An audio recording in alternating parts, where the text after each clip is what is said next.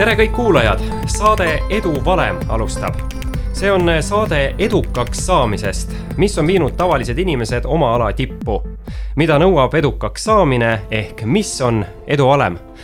mina olen Maksim Tuul ja minuga koos juhib seda saadet Siim Semiskar. Siim,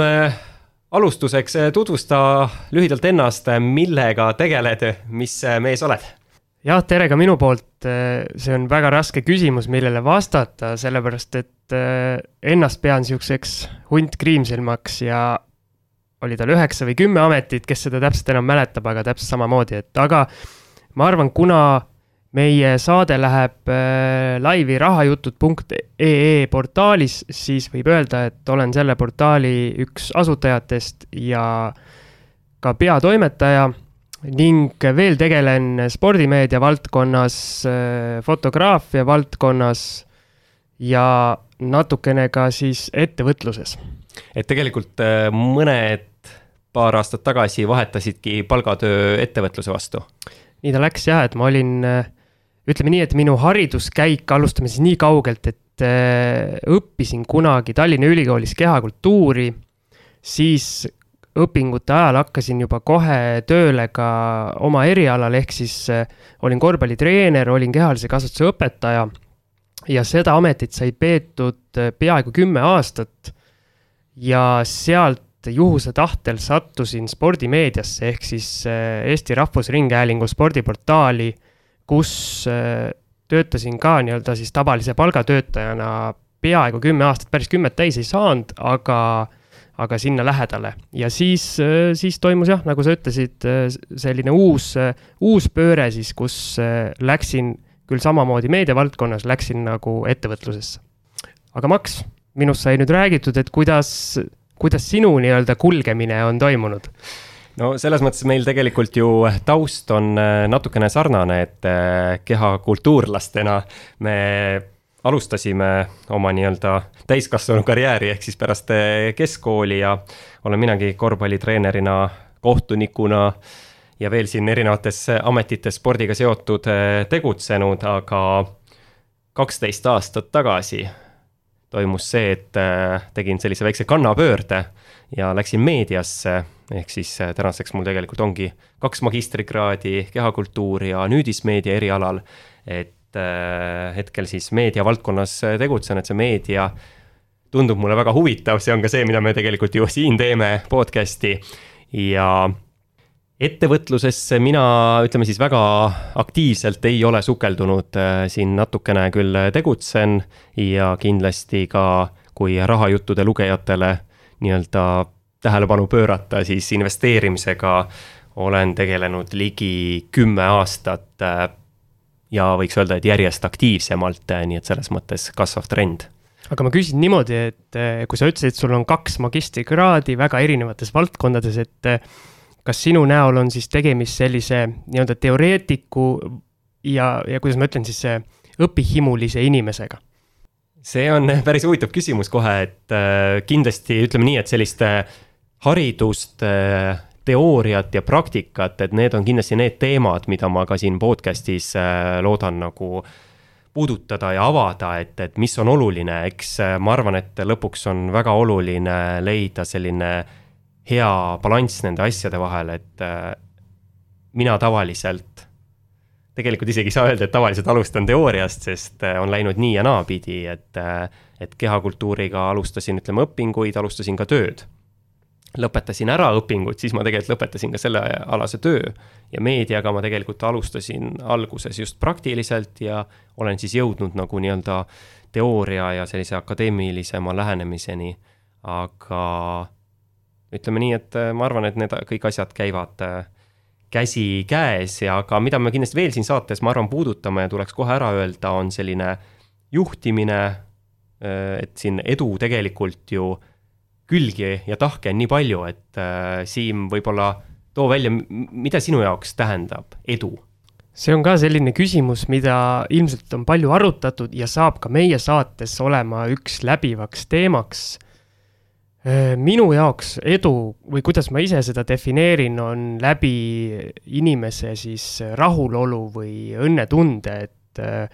kui inimene ise on õnnelik oma tegevustes, tal silm särab äh, nende asjadega, mis ta teeb, et äh, siis,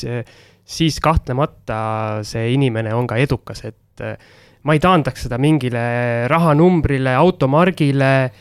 maja suurusele, vaid just, et see rahulolu aga igal juhul ma arvan, et aitab meist, et selles mõttes saates.... oot-oot-oot, ma ikka küsiks vastu ka, et mida sinu jaoks, Max, tähendab edu? no ma arvan, et edu tähendab taaskord sellist suurt tasakaalu kõige vahel, et korras peab olema nii äh,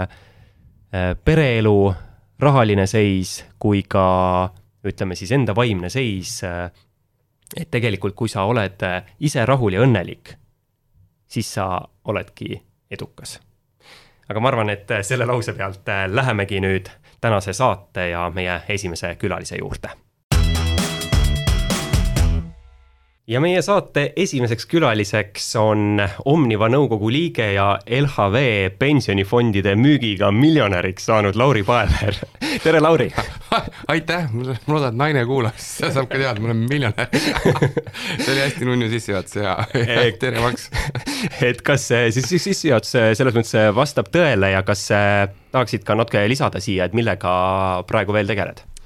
Eh, ta jah, üldiselt eh, osa, osaliselt vastab tõele, eks ole, see, sorry, ma teen kinni sinna miljonäri osasse, et, et eh, kunagi üks ajalehe pealkiri tõepoolest niimoodi väitis, et, et aga no las ta olla. tegelen, tegele-, ma proovin olla ettevõtja, ehk siis selle, selle võlude ja valudega hakkama saada ja ja nuusutan nii-öelda lõhna, lõhna siis ka mm, investorina, et, et see on, see on see, millega me oma päevi sisustame paljuski Mi Maks, ma ütlen korra vahele, et oled sa tähele pannud, et meil seni saates on käinud ainult miljonärid see oli tabavalt öeldud tõepoolest, et äh, nii on, et äh, suur avapauk meie saatele ja ka edu valem ju selgub siit ja ma loodan, et tänase saate lõpuks olemegi juba palju targemad, aga ütlesid, et siis äh, ettevõtlusega peamiselt, mis siis hetkel, mis ettevõtted äh, käsil on? Nagu sa isegi juba mainisid, siis üks, mis tegeleb meil pensionifondide turustamisega, eeskätt siis, eks ole, on LHV meie pikaajaliseks äh, partneriks olnud. ja lisaks on siis, äh, ma ütleks kohe suisa kamaluga selliseid äh, alustavaid ja, ja rabelevaid ettevõtteid, et võib-olla mida nii-öelda jaekaubanduses kõige rohkem võib näha olla, on siis see, et, et me teeme, toodame Eestis ökopesuvahendeid Mulierese nime all ma ei tea, kas te olete ja. kunagi kohtunud, näinud, aga et jah, et, et see on selline põnev projekt ja, ja siis teine põnev projekt on nüüd eh, kohe-kohe avalikuks saamas, et eh, me proovime siis eh, saunas käimise kogemust inimese jaoks teha hoopis teiseks, et meil on siis, mm, me tegeleme sauna nii-öelda sisekliima parandamisega, see on ilgelt pikk ja lohisev äh, viide sellele, mis me teeme, aga see on niisugune täpselt nii-öelda tagumikutunnetuse asi, et äh, aga küll sellest äh, varsti saab juba natuke pikemalt rääkida.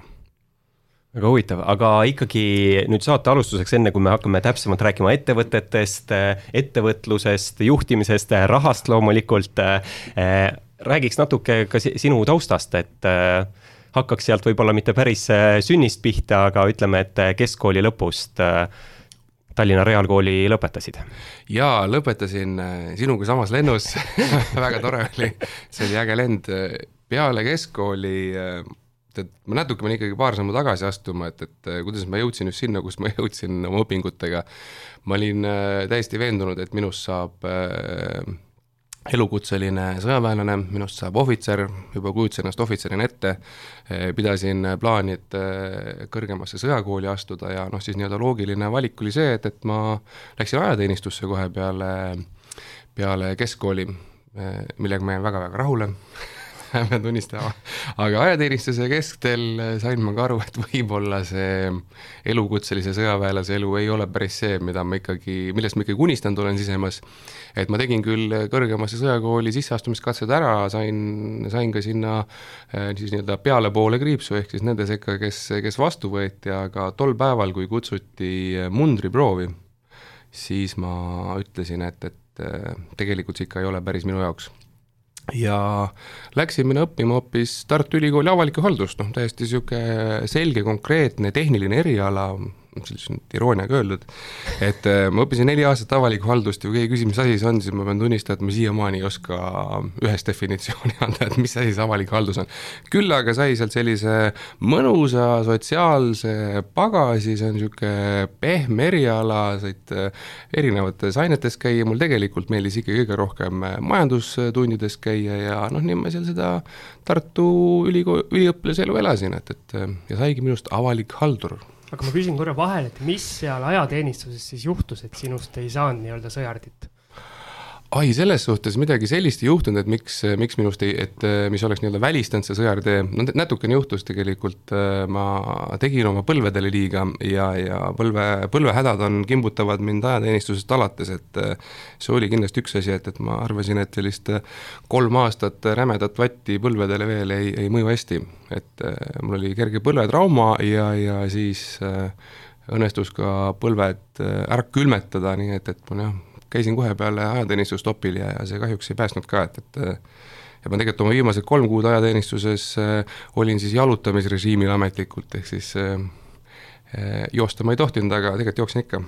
aga, aga jah, et, et äh, tegin endale natuke liiga seal. aga siis läksid sellisest äh, väga kõvasti karmist käsuliinist, läksid nagu niisuguse pehme eriala peale? Äh, jah jah, eh, nii oli, et, et tegelikult see avalik haldus oli eh, üks minu nii-öelda alternatiividest varasemalt ka, kunagi ma veel mõtlesin, et äkki minust võiks saada arst, aga siis ma sain aru, et keemia on eh, hoolimata tugevale reaalkooli taustale, siis keemia on minu ampluaas see kõige nõrgem aine, et, et keemikut minust ei saa. Ja ühtlasi ei saa ka minust suure tõenäosusega arsti, sest et ilma keemiaoskuseta ei ole seal suurt midagi teha. ja, ja korraks käis mõte läbi, et äkki peaks juurat minema õppima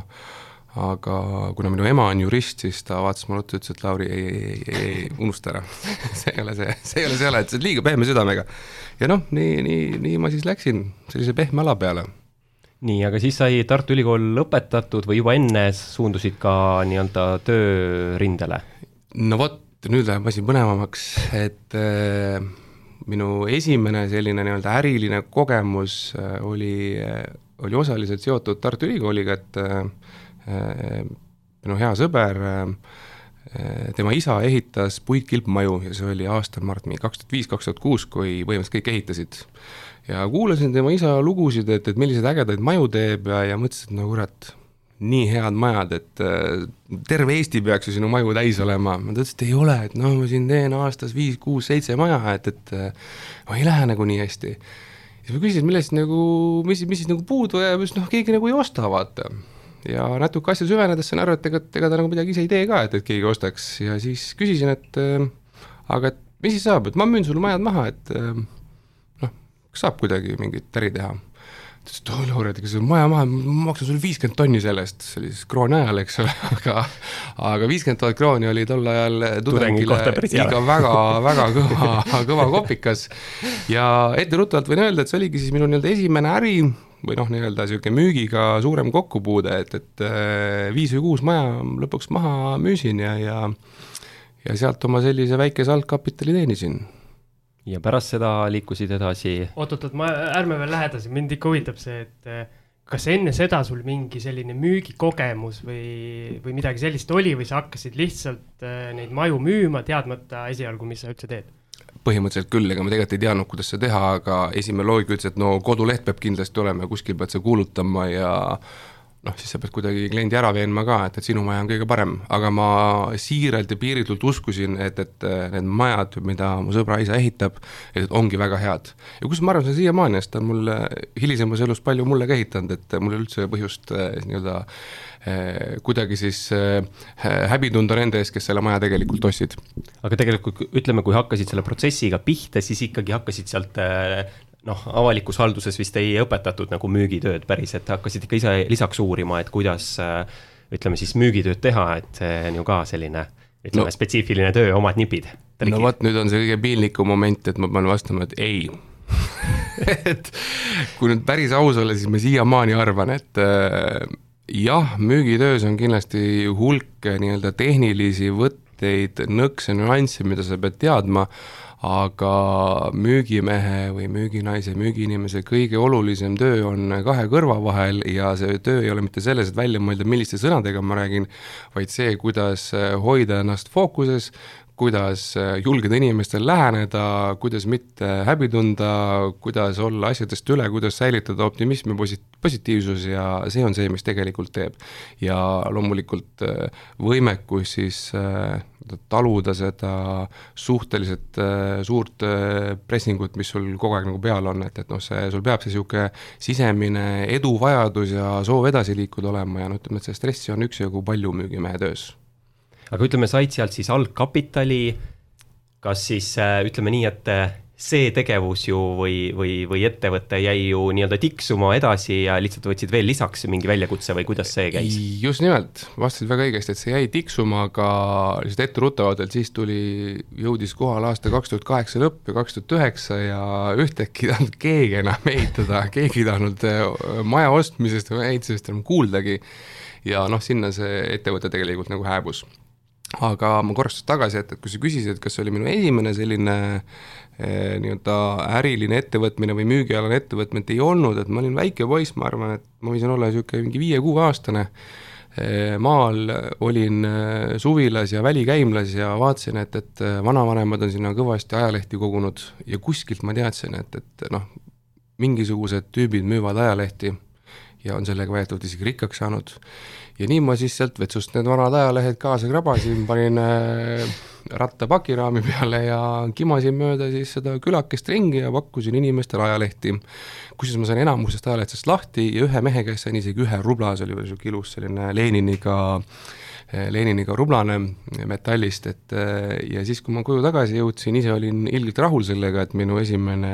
noh, niisugune äriline ettevõtmine ikka, ma tol ajal ei mõelnud, et see on äriline, aga et noh, minu esimene müügialane ettevõtmine nii edukas oli, et ma ikkagi raha sain ja ja siis lõppes see sellega, et ma sain vanaema käest kõvasti pahandada ja pidin selle raha tagasi viima ja vabandama kõikide inimeste ees, sest noh, ilmselgelt ma müüsin neile vanu ajalehti, aga ma arvan, et igaüks täiskasvanud inimene sai aru, et need vanad ajalehed, aga neil ei olnud midagi paremat ka lugeda, nii et põhimõtteliselt inimesed ostavad ükskõik mida, küsimus selles, kuidas sa müüd, eks ole. minu meelest see näitabki talenti, et see on nagu natuke nagu Eskimole jää müümine, et kui sa müüd nagu vana ajalehe inimesele maha, et äh, selles noores mehes pidi olema talenti. jah,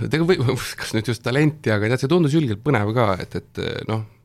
seal ikka, see muidu oli igav ja ei saanud vähemalt midagi teha, et, et õdesid-vendi mul ka ei olnud, polnud nagu kellegagi mängida ja siis ma hängisingi palju sellist äh, noh, ikkagi pensionieas inimestega ja, ja ma neid ei kartnud ja nendega oli nagu tore minna, võtsid ajalehed kaasa ja läksid rääkisid, et, et kas sa tahaksid, kas ajalehti tahaksid. aga Max, kas sul tulevad ka kõige paremad ideed just kempsus istudes vot sellele küsimusele ei oskagi kohe vastata, pigem mitte, et äh, mulle meeldib äh, mõtiskleda tavaliselt enne magama jäämist äh, voodis, et siis tulevad kuidagi head mõtted ja, ja tihtipeale ei saa kohe magama jääda, peab need kõik kirja panema või kui kirja ei pane, siis hommikuks on kindlasti meelest läinud need kõik miljonit väärt ideed aga läheks ikkagi nüüd ikkagi natuke edasi, et Siim siin vahepeal juba korraks äh, põikas kõrvale, et mis siis pärast seda sai?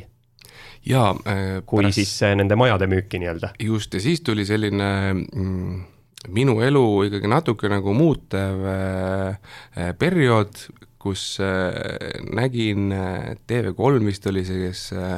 kutsus osalema noori hakkajaid inimesi sellises tõs-, tõsielulises saatesarjas Mantlipärija ja tuli välja, et siis Armin Karu äh, otsis endale olümpikasiinosse mantlipärijat. igaks juhuks ma pean selle tärnikesega ütlema, et, et noh, päriselt Armin endale nagu ikkagi sellist noh, enda mantlipärijat ei otsinud, tal oli lihtsalt äh, head äh, ja võimekat inimest tiimi juurde vaja, aga see selleks et ja, ja oli tunne, et äkki see on niisugune vahva saade, kuhu, kuhu minna, et, et äkki, äkki õnnestub. ja mulle öeldi ka, et, et mine, mine, et, et sul läheb kindlasti hästi, et sa ei võida seda, aga et sa jääd raudselt teiseks. ja kusjuures nii tuligi lõpuks välja, et, et ma ei võitnud seda, ma jäin teiseks, aga see teine koht oli päris, kokkuvõttes nii-öelda päris auhinnaline minu jaoks selles mõttes väga hea, et sealt edasi said nagu ju tormiliselt minna ja kui minu mälu ei peta, siis äh, toonane võitja vist äh, kas pooleteise aasta pärast sai kinga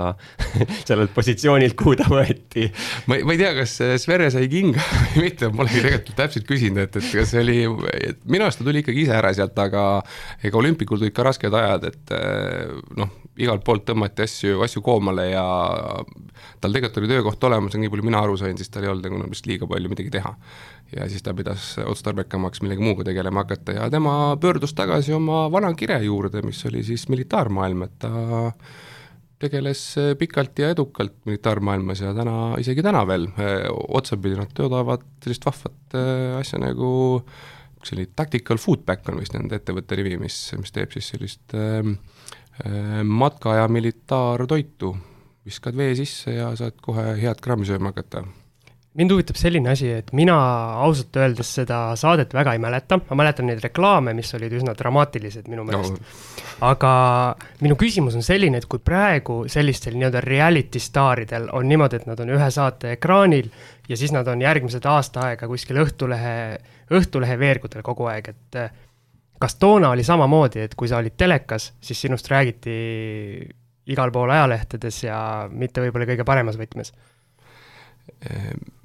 ega ma nüüd ise ka nii hästi enam ei mäleta, sest aasta oli vist kaks tuhat seitse isegi, kui need äh, võtted toimusid, aga minu mäletamist mööda, ega me sinna nagu ajalehte väga palju ei sattunud. ta ei olnud võib-olla niisugune klassikaline äh, noh, selline nii meelelahutuslik saade ka, et, et meil oli siin baar ja, ja buss ja igasugune nagu palju ägedamad Robinsonid ja mis tollal olid, et noh, need olid ikkagi sellised kuidagi ägedamad saated meil. oli jah, päris tabavalt öeldud. aga miks sa valisid siis sellise saate, miks sa ei läinud näiteks baari? jah, oleks baari Lauri. noh jah, vot nüüd, võta nüüd kinni, kes enam mäletab, eks ole, aga ei no eks seal ikka kannustas see soov, et äkki on, äkki on mingisugune äge saade, et, et noh, see ju eh, USA versioon ja Inglismaa versioon olid, eh, olid ikka nagu kaunikesti sellised eh, tasemel, et oli niisugune kerge lootus, et äkki, äkki ongi midagi niisugust, kus sa ikkagi õpid ja, ja paned ennast nagu korralikult proovile. et noh, kokkuvõttes saigi ennast kindlasti proovile pandud, aga aga ütleme, et need ülesanded ei olnud nagu päris need võib-olla, mis oleks kellegi selliseid suurepäraseid juhtimisomadusi välja toonud, et noh, roh-, rohkem oli tegemist ikkagi sellise klassikaliste müügiülesannetega, et noh, ma ei tea, pidime vett müüma vihmasel suvepäeval Tallinnas ja, ja noh, mingile üritusele inimesi kaasama, et noh, need olid rohkem sellised turundus, PR ja müügitegevused ikkagi. aga mis sa tunned, mis sa sealt, ütleme, lõpuks kõige rohkem said, et üks asi arvatavasti on kontaktid jaa, kontaktid, aga tegelikult mis kõige rohkem võib-olla ikkagi see, et, et hoolimata sellest, et need äh, ülesanded ei olnud võib-olla nii tehniliselt keerulised, oli see tampi ajaline raamistik väga ahtake, et, et noh, tamp oli kõva ja, ja aega oli vähe, et selles suhtes niisugune esimene veendumus, et, et äh, vau wow,, et kui sa ikkagi kokku võtad ja väga-väga midagi tahad, siis on võimalik eh, hea tiimiga väga-väga palju asju nagu täiesti nullist eh, korda saata, noh nullkontaktidega, et sa hakkad kuskilt lihtsalt midagi nii-öelda otsast harutama, et eh, see tõdemus tuli küll sealt saatest. et kui sul on hea tiim, see on niisugune vana leerdunud teema, aga tõepoolest, kui sul on ikkagi hea tiim, kes üksteist tunneb ja üksteisega oskab koos mängida, noh, piltlikult võid ikkagi imesid korda saata nii, ja Mantlipärija saade lõppes ära, finaali koht oli käes, väike auhind tuli, töökohta ei tulnud. kas ei, siis no, helistas keegi ja pakkus suure pataka raha, et tule meile? noh, oleks see nii olnud, aga, aga ei, ei pakkunud, küll aga selle saate kestel juba tekkis tegelikult mõte, et noh, et kui me siin eh, juba nii-öelda ülesanded läksid natukene spetsiifilisemaks, et et võib-olla pärast saadet võiks äh, midagi analoogset teha, et äh, aga lihtsalt nüüd juba siis äh, enda nii-öelda otsese heaolu nimel, et ehk siis, et võiks ka natuke raha küsida nende tegevuste eest. ja käisin, kauplesin erinevaid siis saatekaaslasi, et, et teeme, teeme ja, ja noh, kõik olid, no vaatame, noh, saade saab läbi, et vaatame, vaatame. ja tol hetkel, kui saade läbi sai, siis siis ma otsisin päris pikalt kedagi, kellega midagi koos teha, sest et oma loomu poolest ma ei ole selline väga kõva üksi tegutseja, kuidagi oli julgem tunne, kui ikkagi keegi on kõrval, kellega seda arutada ja, ja, ja koos teha asju. ja nii ta siis läkski, et äh, lõpuks ma ühe inimese leidsin, kõik ülejäänud materdasid minu idee maha, aga Terko oli see mees, kes saatest oli veel nõus, et kuule, no lähme proovime ja kuidagi sattus nii, et LHV oli esimene, kelle juurde me läksime rääkima, et kuulge, et vaadake, saates me pidime teile pensionifondide kliente hankima, et uh, what if, et äkki me prooviks nüüd ka ja tollane siis LHV varahandluse juht Mihkel Oja, kes oli ka väga noor kutt, siis ütles, et noh, miks mitte, et kontorivõrgustikku meil ei ole ja toode on aus ja hea, et noh, proovime. ja nii see läks, et nüüd on meil kolmeteistkümnes aasta paneme, künname nii-öelda sama põldu, et, et põld on natukene laiemaks ja, ja vaod pikemaks läinud, aga nii-öelda ala on ikkagi selles suhtes nagu samaks jäänud sellest LHV pensionifondide müügist tahakski rääkida veel meie saates pikemalt, aga enne teeme lühikese pausi.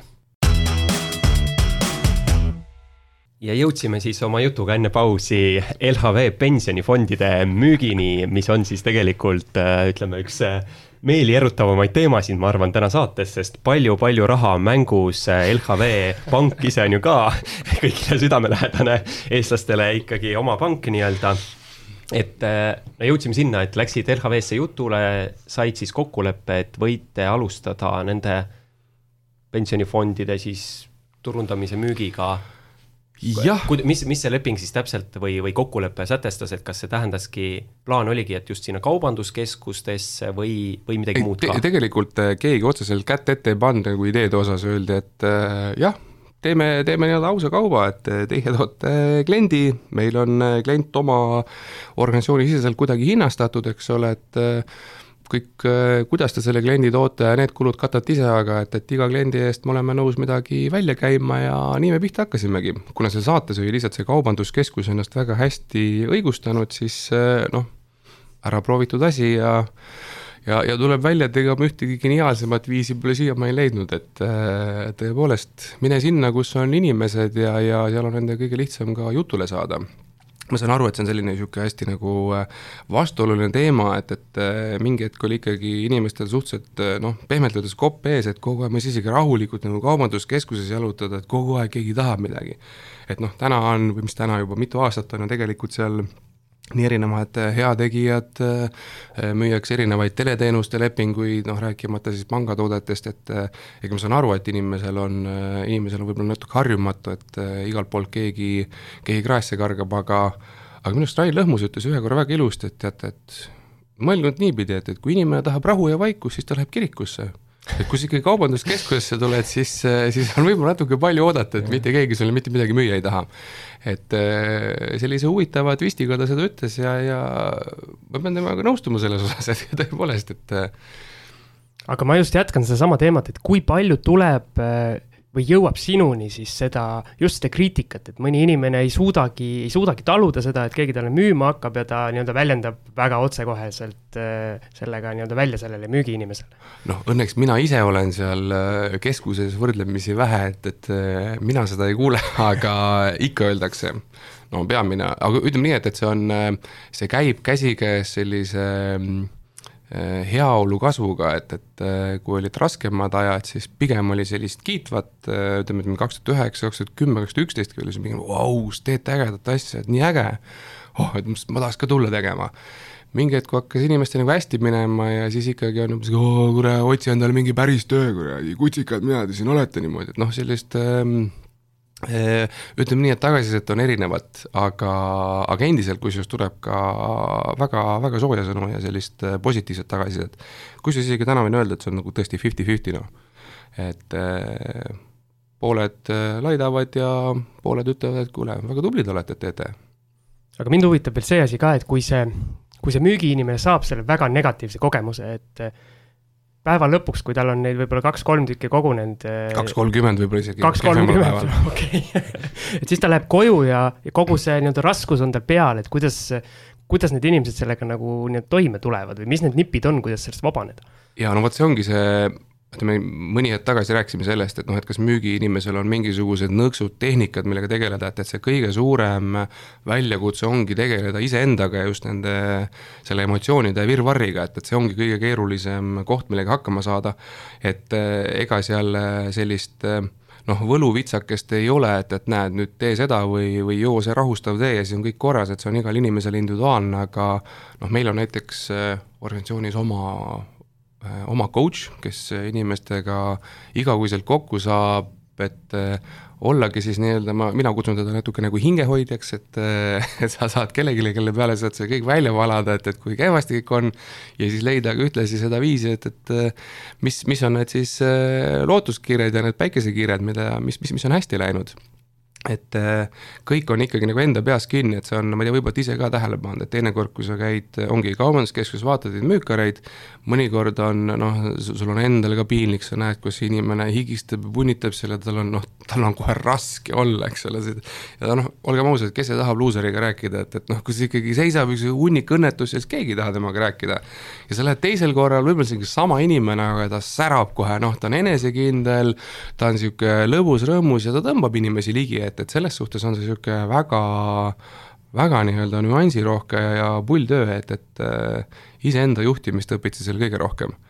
Aga veel tulles tagasi selle juurde, kuidas ennast maha laadida, noh, eks need on klassikalised asjad, et äh, viia, tegele millegagi, kus sa, kus sa ei saa mõelda selle, selle töö peale, noh tee mingisugune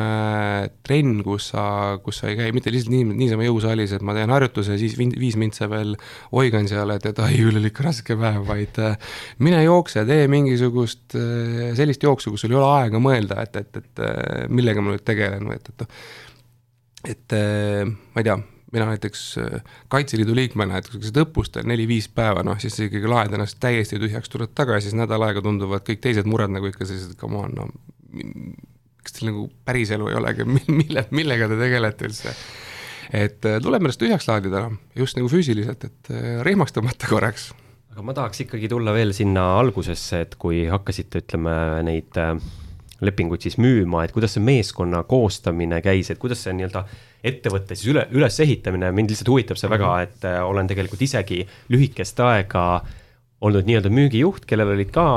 müüsime küll ühe telekomi lepinguid samamoodi kaubanduspindadel, siis mind küll värvati nii-öelda kohe. ma ei teinud ettevõtet, et, et, et kuidas see meeskonna moodustamine käis. ja, ja, ja, ja, ja kui kiiresti või kuidas see nagu kasvas ettevõte mm? -hmm ega see esimene päev või esimesed kaks-kolm päeva olid kõige raskemad, et siis ma sisust helistasin äh, kõiki tuttavaid läbi, kes mulle endale tundusid, võiks olla piisavalt julged ja piisavalt pealehakkajad, keda siis kaasa, kaasa kutsuda. ja kokku vist saimegi nii-öelda kaks inimest väljaspoolt või noh, me olime neljakesi, et, et mina, Terko ja siis äh, kaks inimest veel ja no nagu see ikka pihta hakkab, et, et äh, järgmine päev oli nemad ka mõlemad ühe sõbra kaasa võtnud, sest tundus, et come on, see on ju päev läbi suhted inimestega, räägid ja siis saad veel raha ka selle eest, et äh, tüüp, kes meil oli mitte tüüp? Üks äge kutt Raul, kes teisel päeval meie tööle tuli, siis kui ta oli paar aastat töötanud, siis ütles, on, see on nagu kõige parem töö üldse, et ma räägin päev läbi naistega juttu. Ja kusjuures kenade naistega, ma ise saan vaata valida, kellega ma räägin? Ja siis ma saan veel pappi ka selle eest, et eh, noh, seal oli nagu sihuke üksjagu tõtt, et eh, või tõde sees, et nii, nii on no.. ise sa tegelikult valid, kellega sa paljuski räägid ja, ja muidugi edukamad on need, kes ei vali, kes lihtsalt räägivad. aga kui kaua sa siis ise niimoodi müüsid, kuni kasvasid selleni, et ikkagi ise enam eh, kaubanduskeskuses ei käi ja ma võin natuke eksida, aga võib-olla aasta, siis tegelikult kasvas see asi juba nii suureks, et äh, liiga paljuks läks, ise olla rindel, ise teha graafikuid, asju ja lisaks ma läksin veel tööle LHV Panka ka, et, et äh, kui me olime vist kaks-kolm kuud tegutsenud, siis äh, Rain Lõhmus äh, tahtis korra kokku saada, uuris, kuidas meil läheb, mis plaanid on ja ütles, et kuule, aga et äh, ma ei tea, kui sul aega üle jääb, et äh, tule meile tööle ka, et meil oleks ka siin vaja nii-öelda müügijuhti siis ma arvasin, et äh, miks mitte. Et äh, ja siis oligi, et äh, see oli kohe algusest peale meil kokkuleppe osa, et, et see, mis on ettevõtete vaheline nii-öelda see müügidiil, seda me ei puutu, aga et noh, et kui sul on aega, siis äh, tule tee veel asju. Aga mind ikka huvitab see, et äh, kuna ma ise olen selliseid, äh, küll mitte väga pikki, aga ikkagi mitu äh, müügikoolitust läbinud, et kas sina siis ikkagi õppisid ikkagi ainult nii-öelda tegutsedes ja, ja saidki nagu asja selgeks ja lõpuks õpetasid teisi ja või ikkagi mingi hetk nagu tuli nii, et vaatasid, et ikkagi noh, et on tähtsad, seal hakkame siis välja tooma noh, kontaktide arv, et mis iganes need teooriad on, et saja kontakti kohta saad nii palju lepinguid ja ja siis äh, jah, see nii-öelda tegelikult ikkagi müügikõne ülesehitus, siin on ka erinevaid teooriaid ja et, et kas sa nendesse nagu ikkagi siis ka mingi hetk süvenesid. ma olen sada protsenti nõus ka sinu e eelpool öelduga, et lõpuks ongi see, et see tegelikult sinu hoiak, see, mis sul on kahe kõrva vahel ja kõik see, aga palju sellist nagu ütleme siis teooriat spetsiifilist müügi müügiteooriat tuli sinu tegemistesse sisse? ma hakkasin praegu, tahtsin hakata vastama ja siis ma jäin mõtlema, et vist on natukene piinlik öelda, et, et ma ei ole vist ühtegi müügialast raamatut kunagi lugenud. võib-olla kunagi olen, aga nagu siin on nagu teoreetik versus praktik või kuidas aga, aga tegelikult on niimoodi, et eh, seesama, mis sa, Max, mainisid, et, et noh, et eh, ütleme, et lõpuks on müük ikkagi numbrite mäng ja sellest me saime aru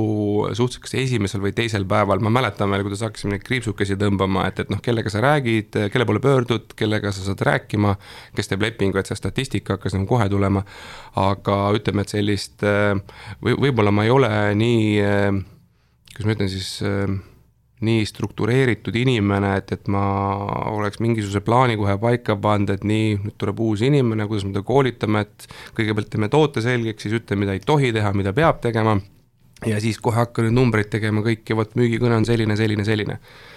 et äh, ma arvan, et meil on täna ka inimesed umbes pooleks, osadel on enda, noh, enda ise ette kirjutatud nii-öelda skript, mida nad siis jälgivad, et, et äh, hästi hea on alati tagasi tulla selle juurde, et sul ei teki seda auku, et oot-oot-oot, millest ma nüüd pidin rääkima. aga teine pool inimesi ütleb, et äh, mulle meeldib see, et ma vaatan inimest ja hakkan kuskilt veeretama seda lugu, sest ma ju tegelikult, ma sisimas tean, mida ma talle ära tahan rääkida ja mida ma pean talle ära rääkima ja noh, vaatame, kuidas siis see nii-öelda voolame sinna välja. et aga jah tunde, kliente, kontakte, seda me jälgime, sest et eh, noh, üle ega ümber ei saa ka sellest, et kui sa oled tööl, siis tee tööd, eks ole, et see, et ma lähen hommikul kuskile noh, mis iganes, olgu see siis eh, müügimehel kaubanduskeskus või, või arvuti ja telefon, eks ole, kontoris, aga noh, kui ma seal ainult kallan endale kohvi ja, ja, ja kogun hoogu, et nüüd pihta hakata ja, ja, ja siis äh, ma ei tea, vaatan mööduvaid inimesi, praegu pole see tunne veel, et, et see, see oli ka ikka natukene torsis näoga veel, et noh, nii ka selge on see, et nii midagi ei tule. et ja kui sa, kui sa, kui sa oled tööl, siis tee tööd, laias laastus ei ole ju vahet, kas sa pead istuma seal kümme tundi või kuus tundi, aga noh, oluline on see, et, et sa terve selle aja ikka, ikkagi tegeleksid, sa töötaksid, sa tead, mida sa pead tegema ja, ja anna lihtsalt nagu tuld. et Facebookis passimine, see ei, või nüüd juba Instagramis passimine, see kahjuks sellele tulemusele kuidagi kaasa ei aita. aga ma küsiks veel selle nurga alt ka, et kuidas sa siis tundsid või nüüd tagantjärele analüüsid, et äh, kui tähtis, ütleme sinu selle edu juures äh, oli toode? ehk siis me räägime LHV pensionifondist, fondidest Äh, väga tähtis, sest et äh, tol hetkel, kui me alustasime, siis äh, no siis oli hästi hea nagu müüa, sellepärast et LHV-l ükskõik mis nurga alt sa ei vaadanud neid pensionifonde või mis kuupäev, millise aja statistikat ei jälginud, siis nad olid igatipidi alati kõige paremad. et see tegi kindlasti selle müümise nagu palju-palju-palju lihtsamaks et eh, loomulikult sa ei saa ka täna pensionifondide puhul ainult seda tootlust müüa, et seal on neid nüansse ikkagi hulgim veel, eks ole, noh kuni selleni välja, et, et mis iga inimese jaoks nagu tähtis on, et mõne jaoks on väga oluline see, et vot mina tahan, et see pensioni, vot ma, ma, ma valin endale sellise fondi, mis mis ainult investeerib umbes niisuguse rohelisse energiasse või mis, mis on hästi öko, noh et, et ma tahan öelda, et, et inimeste nii-öelda arusaamised ja, ja, ja teadlikkus sellest, mida nad soovivad, on nagu väga-väga palju kasvanud et äh, päris niimoodi, et kuule, vaata seda numbrit ja noh, umbes kas sulle meeldib viis rohkem kui kaks, noh, võtame siis viie, eks ole, et see, see enam kindlasti ei tööta. et äh, paljude jaoks on argument see, et, et kas äh, investeeritakse näiteks Eestisse et kuhu, kuhu, et kas, kas, kas keegi reaalselt teeb midagi, kas need investeeringud on puhtalt börsi, börsiinvesteeringud või on börsivälised investeeringud, et neid nüansse on nagu tänaseks juba palju rohkem tulnud, aga kindlasti on äh, tulemus väga-väga oluline või nii-öelda see noh, ehk siis see toote kvaliteeti paljuski näitab ikkagi see pikaajaline tulemus, et noh, nii, nii ta nagu kipub olema vähemalt kui me räägime raha kogumisest, siis noh, tulemus on see, et kas sul on natuke rohkem raha või natuke vähem raha kokkuvõttes. aga kui Siim siin enne küsis selle kohta, et palju on tulnud sellist tagasisidet, ütleme müügimeeste kohta, naiste kohta, inimeste kohta, et äh, positiivset, negatiivset, siis ma küsiks üldse teise nurga alt natuke sellise veidi noriva küsimuse võib-olla, et äh, kui palju sa oled saanud sellist, ütleme, kriitikat või tagasisidet, et müügiinimesed siis käivad seal kaubanduskeskuses, rassivad, teevad äh, mitukümmend, sada kontakti ja siis äh, müüvad äh, kaks-kolm lepingut ja siis saavad oma väikse tasu ja. aga siis üks mees, kes seda ettevõtet juhib, et talle tiksub seda tasu kuidagi ikkagi väga palju, et kas Ra. Rain Lõhmusest räägite, eks ole Rain Lõhmusest ma loodan, me räägime mõnes meie edasises saates. loodame kindlasti ka teda kunagi siia meelitada aga hetkel räägin siis jah, Lindu Mare ja Lauri Paeveer, et, äh, et ütleme nii, et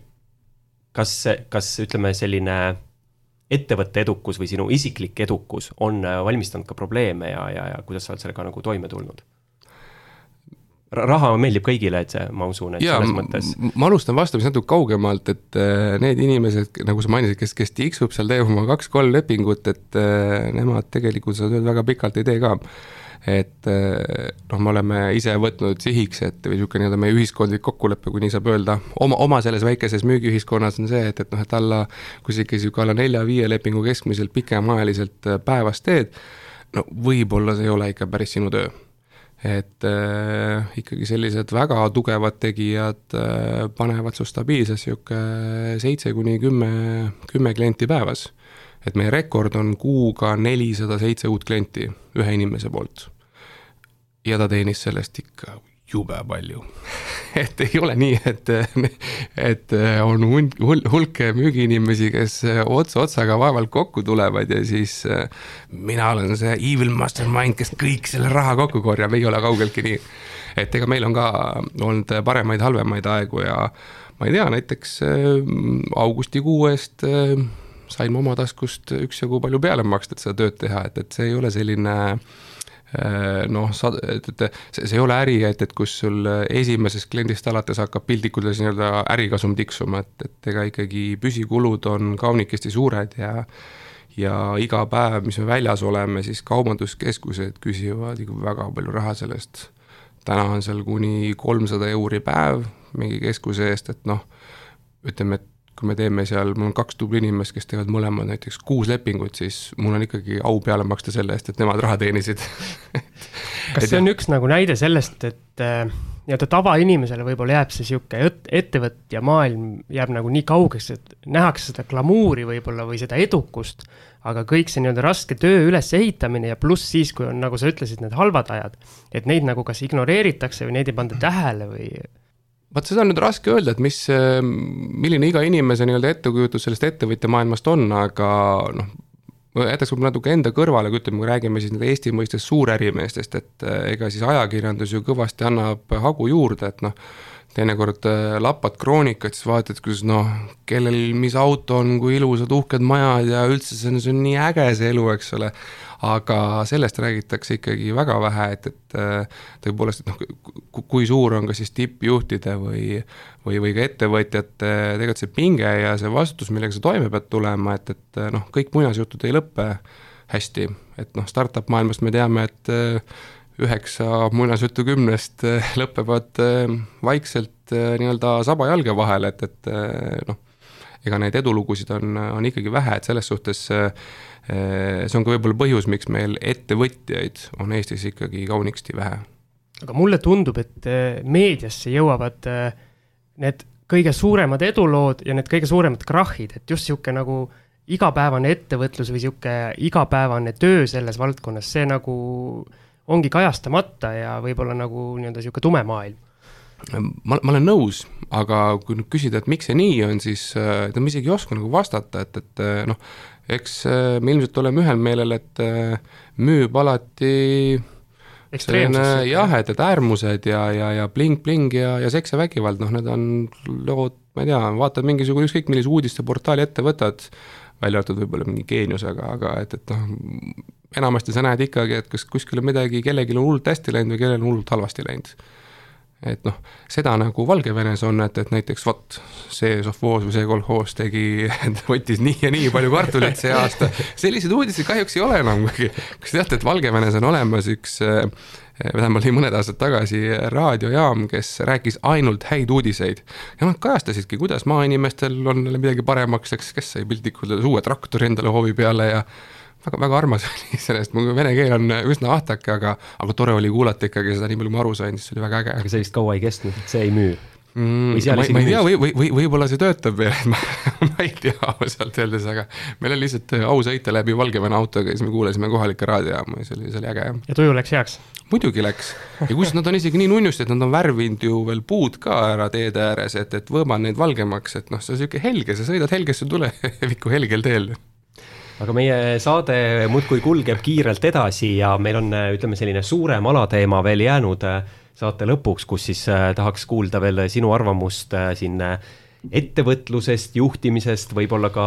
kindlasti Siim, ma tean, siin suur rahahuviline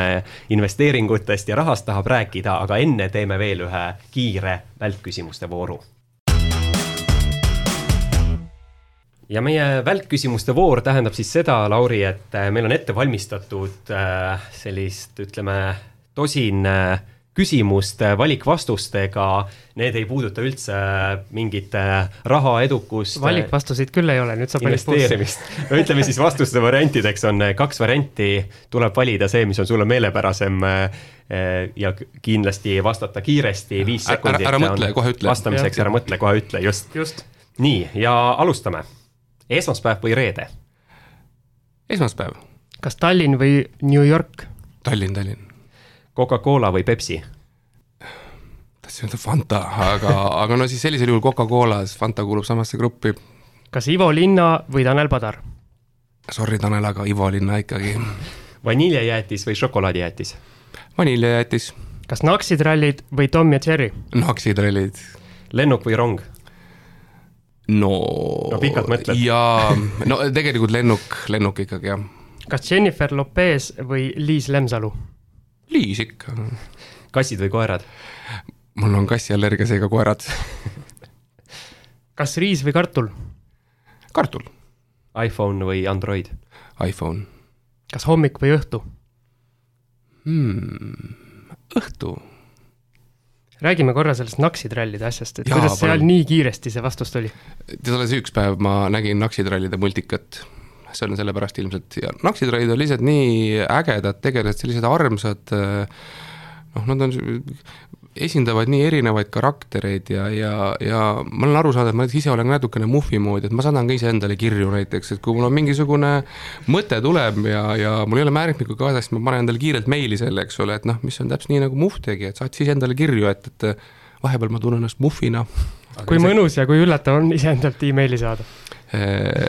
teinekord on väga värskendav, sellepärast et sa tõesti selle asja ära unustanud ja siis, appa, vot õige, selle pidin ära tegema. aga lisaks sellele, et sa ennast muhvina tunned, kas sa tunned ennast vahepeal ka öökullina, et sa ütlesid nagu õhtu, et öeldakse, et hommik on õhtust targem, aga kas sa oled siis õhtul tegusam või, või millest see vastus? ma olen tegelikult rohkem sihuke ööinimene muidu olnud, aga kuna mul on praegu kolm alla kolmeaastast last kodus, siis äh,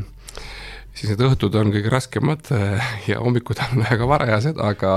üldiselt, kui, kui ma veel äh, koolis käisin ja, ja, ja õppisin, siis, õpin praegu ka, aga ma tahtsin öelda, et kui ma pidin nii-öelda olid ajalised raamistikud, kus sa pead mingeid asju ära tegema, et siis ma alati tegin oma koolitöid öösiti see on jah, rahulik äh,, igasugused, sa oled piisavalt väsinud, et igasugused nii-öelda segavad mõtted või müramõtted on äh, kõrvale heidetud ja siis saad rahulikult keskenduda. ja mis on lemmiklaul Ivo Linna repertuaarist? tead, Ivo Linnal on äh, väga palju häid laule, aga mulle väga meeldib, kui Ivo Linna esineb koos ansambliga Apelsin ja neil on, äh, neil on mitu lugu, et, et äh, kus Ivo kaasa teeb, et need mulle on tegelikult nagu kõige rohkem vist meeldinud. aga teeme veel lühikese pausi ja meil on siin Manta Maja stuudios endiselt äh, Lauri Paeveer, LHV pensionifondide müügiga miljonäriks saanud mees, Omniva nõukogu liige, äh, ettevõtja. oleme juba rääkinud, äh, Tartu Ülikooli lõpetanud, siin isegi suurest telesaatest läbi käinud, aga ma tuleksin tagasi hoopis selle juurde, et korraks puudutasime seda kohta, kus siis ettevõtte juhina, ütleme, oled teeninud kopsaka tasu, aga sa ütlesid, et äh, väärtustad kindlasti ka töötajat, et äh, kuidas sa üldse leiad, et äh, tänapäeval head töötajat siis ükskõik mis vallas, kuidas teda motiveerida oma tööd igapäevaselt hästi tegema ja teistpidi ka enda juures hoidma? No kõigepealt ma tahtsin öelda seda, et äh, kuidagi väga kiputakse rääkima sellest, et äh, kuidas äh, siis kas ettevõtte juht või omanik motiveerib töötajaid, et ma tahaksin nagu selle koha pealt oma arvamuse õhku visata, et minu arust ikkagi lõviosa motiveerimisest saab ära teha inimene ise, et, et sa võid piltlikult palja tagumikuga tantsida ka tema ees, aga noh, see mingis piiris see enam ei aita, et, et kui inimene on ise ikkagi passiivne või ta ei taha seda tööd teha, siis noh, sellised välised tegurid enam liiga palju ei aita. aga noh, ma ei ole, ma ei oska öelda, et noh, mis on need nii-öelda nüansid, kuidas sa täpselt nüüd, mis tegevusi sa pead tegema, et nüüd motiveerida, eks ole, aga mul on endal selline uskumus, et, et noh, katsu, katsu kõigiga olla inimlik, vahetu sõbralik, ära luba endale tohutut niisugust endast väljaminemist ja, ja, ja, ja karjumist ja ärritumist, et mina olen proovinud kogu aeg olla selline pigem, pigem rahulik ja, ja proovida siis nii-öelda teise inimese kingades ka olla, et, et kas mu vastas on, et temast ka aru saada ja, ja noh või, või võib-olla olen ma ka natuke liiga pehme juht, et, et selles suhtes äh, mina võib-olla proovingi liiga palju äh, nii-öelda präänikuid leida, et millega inimesi, inimesi paremini tööle panna, et äh, ilmselt peab natuke tagasi tõmbama. või juurde panema hoopis äh, tead, ega, ega liiga palju head läheb läilaks kätte ära, et see ka enam ei tööta aga enne rääkisime seal müügikoolituse juures äh, palju teooriast, et äh, et ma ikka küsisin, et kas oled koolitanud, lugenud, õppinud, tahaks sama küsida ikkagi nüüd ka juhtimise koha pealt, et palju sa selles vallas oled ennast täiendanud, kas oskaksid näiteks meie kuulajatele mingit head raamatut soovitada, kas raamatud on üldse õiged asjad, kust neid teadmisi nagu saada või, või kindlasti tuleks ikkagi otsida nagu ütleme, tänapäeval ma ei taha küll öelda, et on popp, aga ikkagi mõned juhiks pürgijad teevad, otsivad coach'id ja nii edasi no eks neid viise on, on palju, et, et äh, kui sa nüüd küsid, et kas on mingisugune raamat, mis on äh, minu elu siis äh, noh, nii-öelda juhina kõvasti raputanud või mõjutanud, siis ma esimese hooga ei oska ühtegi välja tuua. küll aga oli, ma kunagi läbisin ühe koolitusprogrammi, mis oli tegelikult mõeldud keskkooliõpilastele, see oli siis kooli omavalitsuste, õpilasomavalitsuste arendusprogramm. see oli vist kokku äkki kaheksa päeva kolmes osas ja mida ma avastasin, on see, et, et äh, need teooriad ja, ja see, mida meile seal räägiti, et ükskõik kui palju ma mingitel koolitustel käinud pärast, et äh, need ikkagi kaunikesti kattuvad, et äh, et võib-olla minu jaoks oli see üks koolitusprogramm see, mis nii-öelda pani ladus mingisuguse alusmüüri, et, et ja, ja eks ma sealt vaatasin ka nendele esinejatele alt üles, ega meil oli erakordne võimalus nendega õhtuid koos veeta, et, et noh, ka nagu vabamas vormis neid äh, näha ja kuulda, et, et ma arvan, et äh, väga palju mõjutas see minu, minu siis nii-öelda küpsemist äh, või nii-öelda väljakujunemist juhi rolli jaoks. ütleme, mainisid siin, et motivatsioon võib-olla peaks tulema inimese enda seest ja. mitte võib-olla, vaid kindlasti no ütleme siis kindlasti, väga hea. aga ütleme, mis on need veel tegurid, mis on inimese edu valem, et ma küsin seda eelkõige näiteks sinu käest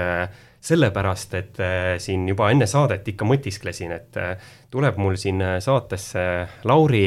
kellega tegelikult käisime ühes koolis, oleme lõpetanud Tallinna Reaalkooli. käisime isegi ühes klassis. käisime ühes klassis ja põhi, põhikoolis käisime ühes klassis. eliitkooli mehed jah ja,. Eh, siis me tegelikult. edu alus ongi tegelikult see eliitkoolis käimine siis me tegelikult olime selles mõttes ka sarnased, et me olime sellised äh, korvpallisõbrad, et mängisime ja. korvpalli, et see annab sellise kindlasti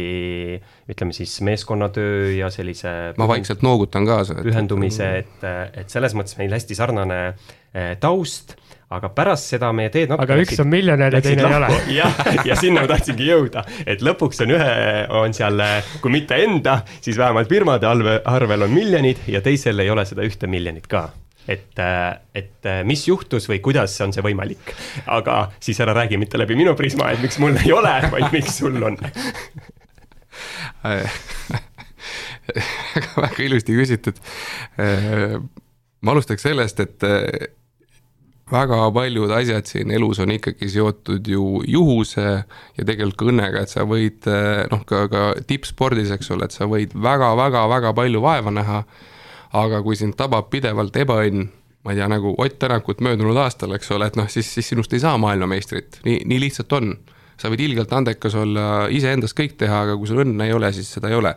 Et eh, minu nii-öelda ettevõtja elujoon on ikkagi olnud ka väga paljuski sõltuv eh, selles suhtes välistest teguritest, et eh, väga paljud asjad on lihtsalt läbi juhuse, kuhu ma olen sattunud või, või kuhu ma olen jõudnud. Ja, ja nagu ma ütlesin, et natukene õnne peab ikka ka olema, et noh, kas on siis tagantjärgi vaates aeg olnud hea,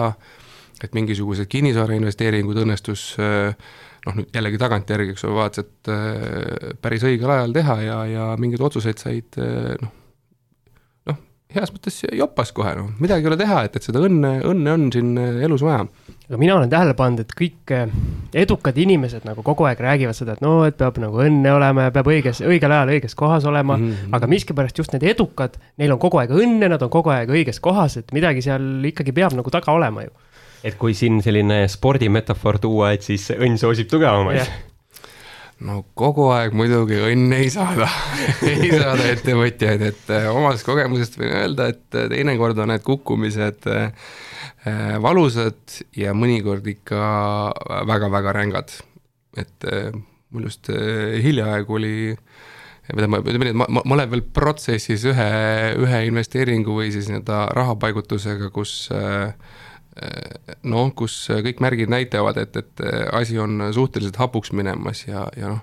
et võib-olla kui ma veel enne seda olin miljonär, siis nüüd varsti enam kindlasti ei ole. Et nii, nii hull see asi ei ole, aga, aga ütleme, et ta on ikkagi, on võimalik ka väga, väga kõvasti ja väga suurelt uhkelt kaotada, et alati ei, alati kõik asjad ka ei õnnestu. ja ma arvan, et see ebaõnne kogemine on, on nagu hädavajalik äh, igale ettevõtjale, igale ettevõtlikule inimesele, üldse igale inimesele, et noh, ega väike laps peab ka ju kukkuma väiksena siis, kui ta kõndimist õpib, et kui sa siis ei kuku, siis sa kukud suurena ja palju kõrgemalt, et et mida varem sa oma nii-öelda vitsad kätte saad, seda, seda ilmselt ettevaatlikum ja ja edaspidi ka rohkem läbimõeldult sa tegutsed. Aga kas vastab tõele ütlus, et äh, süües kasvab isu, et äh, kui alguses mõeldakse, et tahaks seda esimest miljonit kuidagi kokku saada, võib-olla mõnel on see summa kindlasti ka väiksem, et äh, kui see miljon on käes, et kas siis nagu ikkagi tahad rohkem või mis sind, ütleme, tänasel päeval motiveerib ma ei tea, tööd tegema, ettevõtteid asutama, uusi mm -hmm. ideid genereerima? no selles suhtes, et ma, ma ei hakka siin valetama, et oh, raha ei ole minu jaoks tähtis, et siin muidugi on tähtis, et äh, mis, mis me siin keerutame, aga mis puudutab seda nii-öelda esimest miljonit, et äh, noh, krooni ajal õnnestus see kokku saada ja siis, siis tuli euro ja polnudki midagi. miljonärist haisugi enam, et see, et äh, siis tuli jälle ju hakata miljonit taga ajama, et vaata noh, iga, iga natukese aja tagant tuleb seda suppi lahjendada, siis on jälle nagu isu, isu kasvab, eks ole aga, aga tegelikult äh, mm, nüüd, et äh, mis, mis mind siis, äh, mis mind käigus hoiab, et väga paljuski see nii-öelda huvi selle mängu vastu või noh, ma, ma võtan ikkagi seda ettevõtlust ka kui mängu, et, et noh, see on natuke nagu hobi ja, ja ma ei tea, mõni inimene tegeleb mälumänguga, mõnele meeldib malet mängida, noh, mulle natukene meeldib ettevõt-, ettevõtjat mängida või siis äh, sellise ettevõtlusega tegelemine ongi paras äh, kabetamine ja maletamine, et, et kogu aeg äh, hoiad oma aju töös ja, ja oma suhtlemisoskusi, oma läbirääkimisoskusi töös, et, et see on niisugune parasjagu väljakutsuv. lihtsalt see potentsiaalne kasum on noh, lihtsalt suureks boonuseks seal aga meil on siin rahajutud.ee peatoimetaja Siim ka, et ma tean, tema tahab kindlasti investeerimisest rääkida ja selle kohta küsida, aga ma teen otsa lahti, et äh, mainisid siin, et ütleme, paigutad äh, või siis ütleme, investeerid raha ettevõtetesse, lood neid, et äh, kas paigutad ka raha, ütleme siis kuhugi veel, et ma saan aru veel kinnisvarasse oled investeerinud, palju mm -hmm. sa mhm. börsil tegutsed, millised investeeringud sul veel on, startup'id, mis iganes? Jaak Roosaare kuda-, kunagi jagas neid investeeringuid, ütles, et kuidas temal on need kujunenud, et noh, umbes kolmandiku proovib ta hoida kinnisvaras, kolmandiku siis nõnda börsiettevõtetes ja siis kolmandik on noh, kas mingid otse, otseinvesteeringud ettevõtetesse või siis oled sa kellelegi laenanud seda, et siis ma kuulasin tema juttu ja võtsin paberi ja proovisin ka arvutada, mul on umbes sama et, et äh, ilma, et ma oleks nii-öelda teadlikult äh, tema juhtnööre jälginud, aga lihtsalt on kuidagi niimoodi kujunenud, et äh, jah äh,, natukene on äh, börsiinvesteeringuid äh, seal see on äh, jällegi on nagu natukene juhus olnud seal äh, mängus, et äh, kunagi, kui ma, LHV hakkas oma äh, hakkas nii-öelda pangaks äh, saama või nii-öelda neid esimesi samme tegema, aga siis oli juba vaja raha kaasata ja, ja tollastel töötajatel oli, oli võimalus siis äh, sellest äh, tulevasest eduloost kasu saada. muidu keegi veel ei teadnud, kas see on tulevane edulugu või mitte, aga, aga ja, ja siis aga sul õnn oli sinu poolel ja sa olid õigel ajal õiges kohas? no jah, ja lisaks ega siis äh, mis ma siin keerutan, et, et äh, ma olen Andres Viisemannile ka väga tänulik, et Andres ütles, et näed, Lauri, et äh, ma siin vaatan, et sul on ettevõttel päris hästi läinud, et äh, äkki sa tahad ka siis meie aktsiaid osta, märkida. ma ütlesin jah, ja siis rääkisime summadest, äkki sa natuke võtaksid rohkem siis sisuliselt saigi kõik, mis oli teenitud, eh, pandud tollastesse elaväärsetesse. kokkuvõttes suur aitäh talle, sellepärast et see oli, kokkuvõttes oli väga hea rahapaigutus. tol hetkel eh, ei olnud ma selles nii kindel, aga jällegi, et, et noh, mõneti nagu juhus ja, ja ega see ei olnud minu nii-öelda enda ette läbi mõeldud üliteadlik valik, et vot see on nüüd niisugune koht, kuhu tasub hullult pappi panna noh kui need LHV aktsiad tulid, nagu sa rääkisid, pooljuhuslikult, äh, oled sa börsil äh, veel aktiivne olnud, äh, on need Balti börsid kuskil välismaal? vastus on, et pigem mitte, et ma olen sellised niisugune rahulik investor, et ma, ma pigem nagu soetan praegu ka aktsiaid juurde Balti börsilt, aga ma ei kauple nendega, minu see ajahorisont või investeerimishorisont on kindlasti nagu aastates mõõdetav. ja pigem ma ikkagi vaatan nagu niisugune kümme pluss aastat, et selles suhtes ma olen niisugune nagu rahulik investor, et, et ootan seda, et, et kasutan seda võimalust, et soetan ja unustan ära ja siis iga mõne aasta tagant vaatan, kuidas läinud on aga ette, et, ettevõtete puhul küsin korraks vahele, et äh, kas ettevõtete puhul ikkagi pigem investeerid nendesse, ütleme siis, kus saad ise ka käe külge panna ja kuidagi juhtida või kasutad ka siin, ütleme, Fundwise'i, Funderbeami, et täitsa startup idesse, mille kohta, ütleme, saad ainult paberil lugeda? jah et äh, kõik, kõik need, mis sa ütlesid, äh, põhimõtteliselt oleme kõiki, kõiki neid äh, viise kasutanud, et muistinvesteeringuid on startup'is, startup idesse tehtud, kus ma ise ei noh, loen ainult mahukaid ingliskeelseid dokumente ja nendin, et ma tegelikult väga täpselt aru ei saa, mis toimub.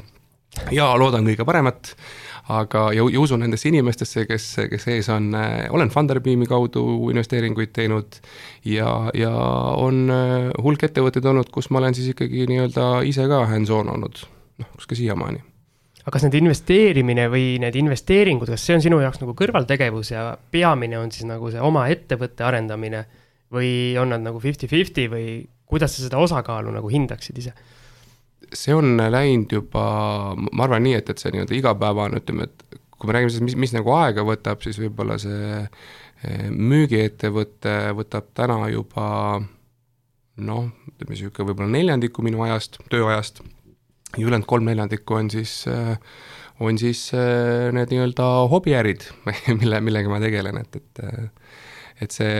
aeg on üsna jah, ära jaotunud juba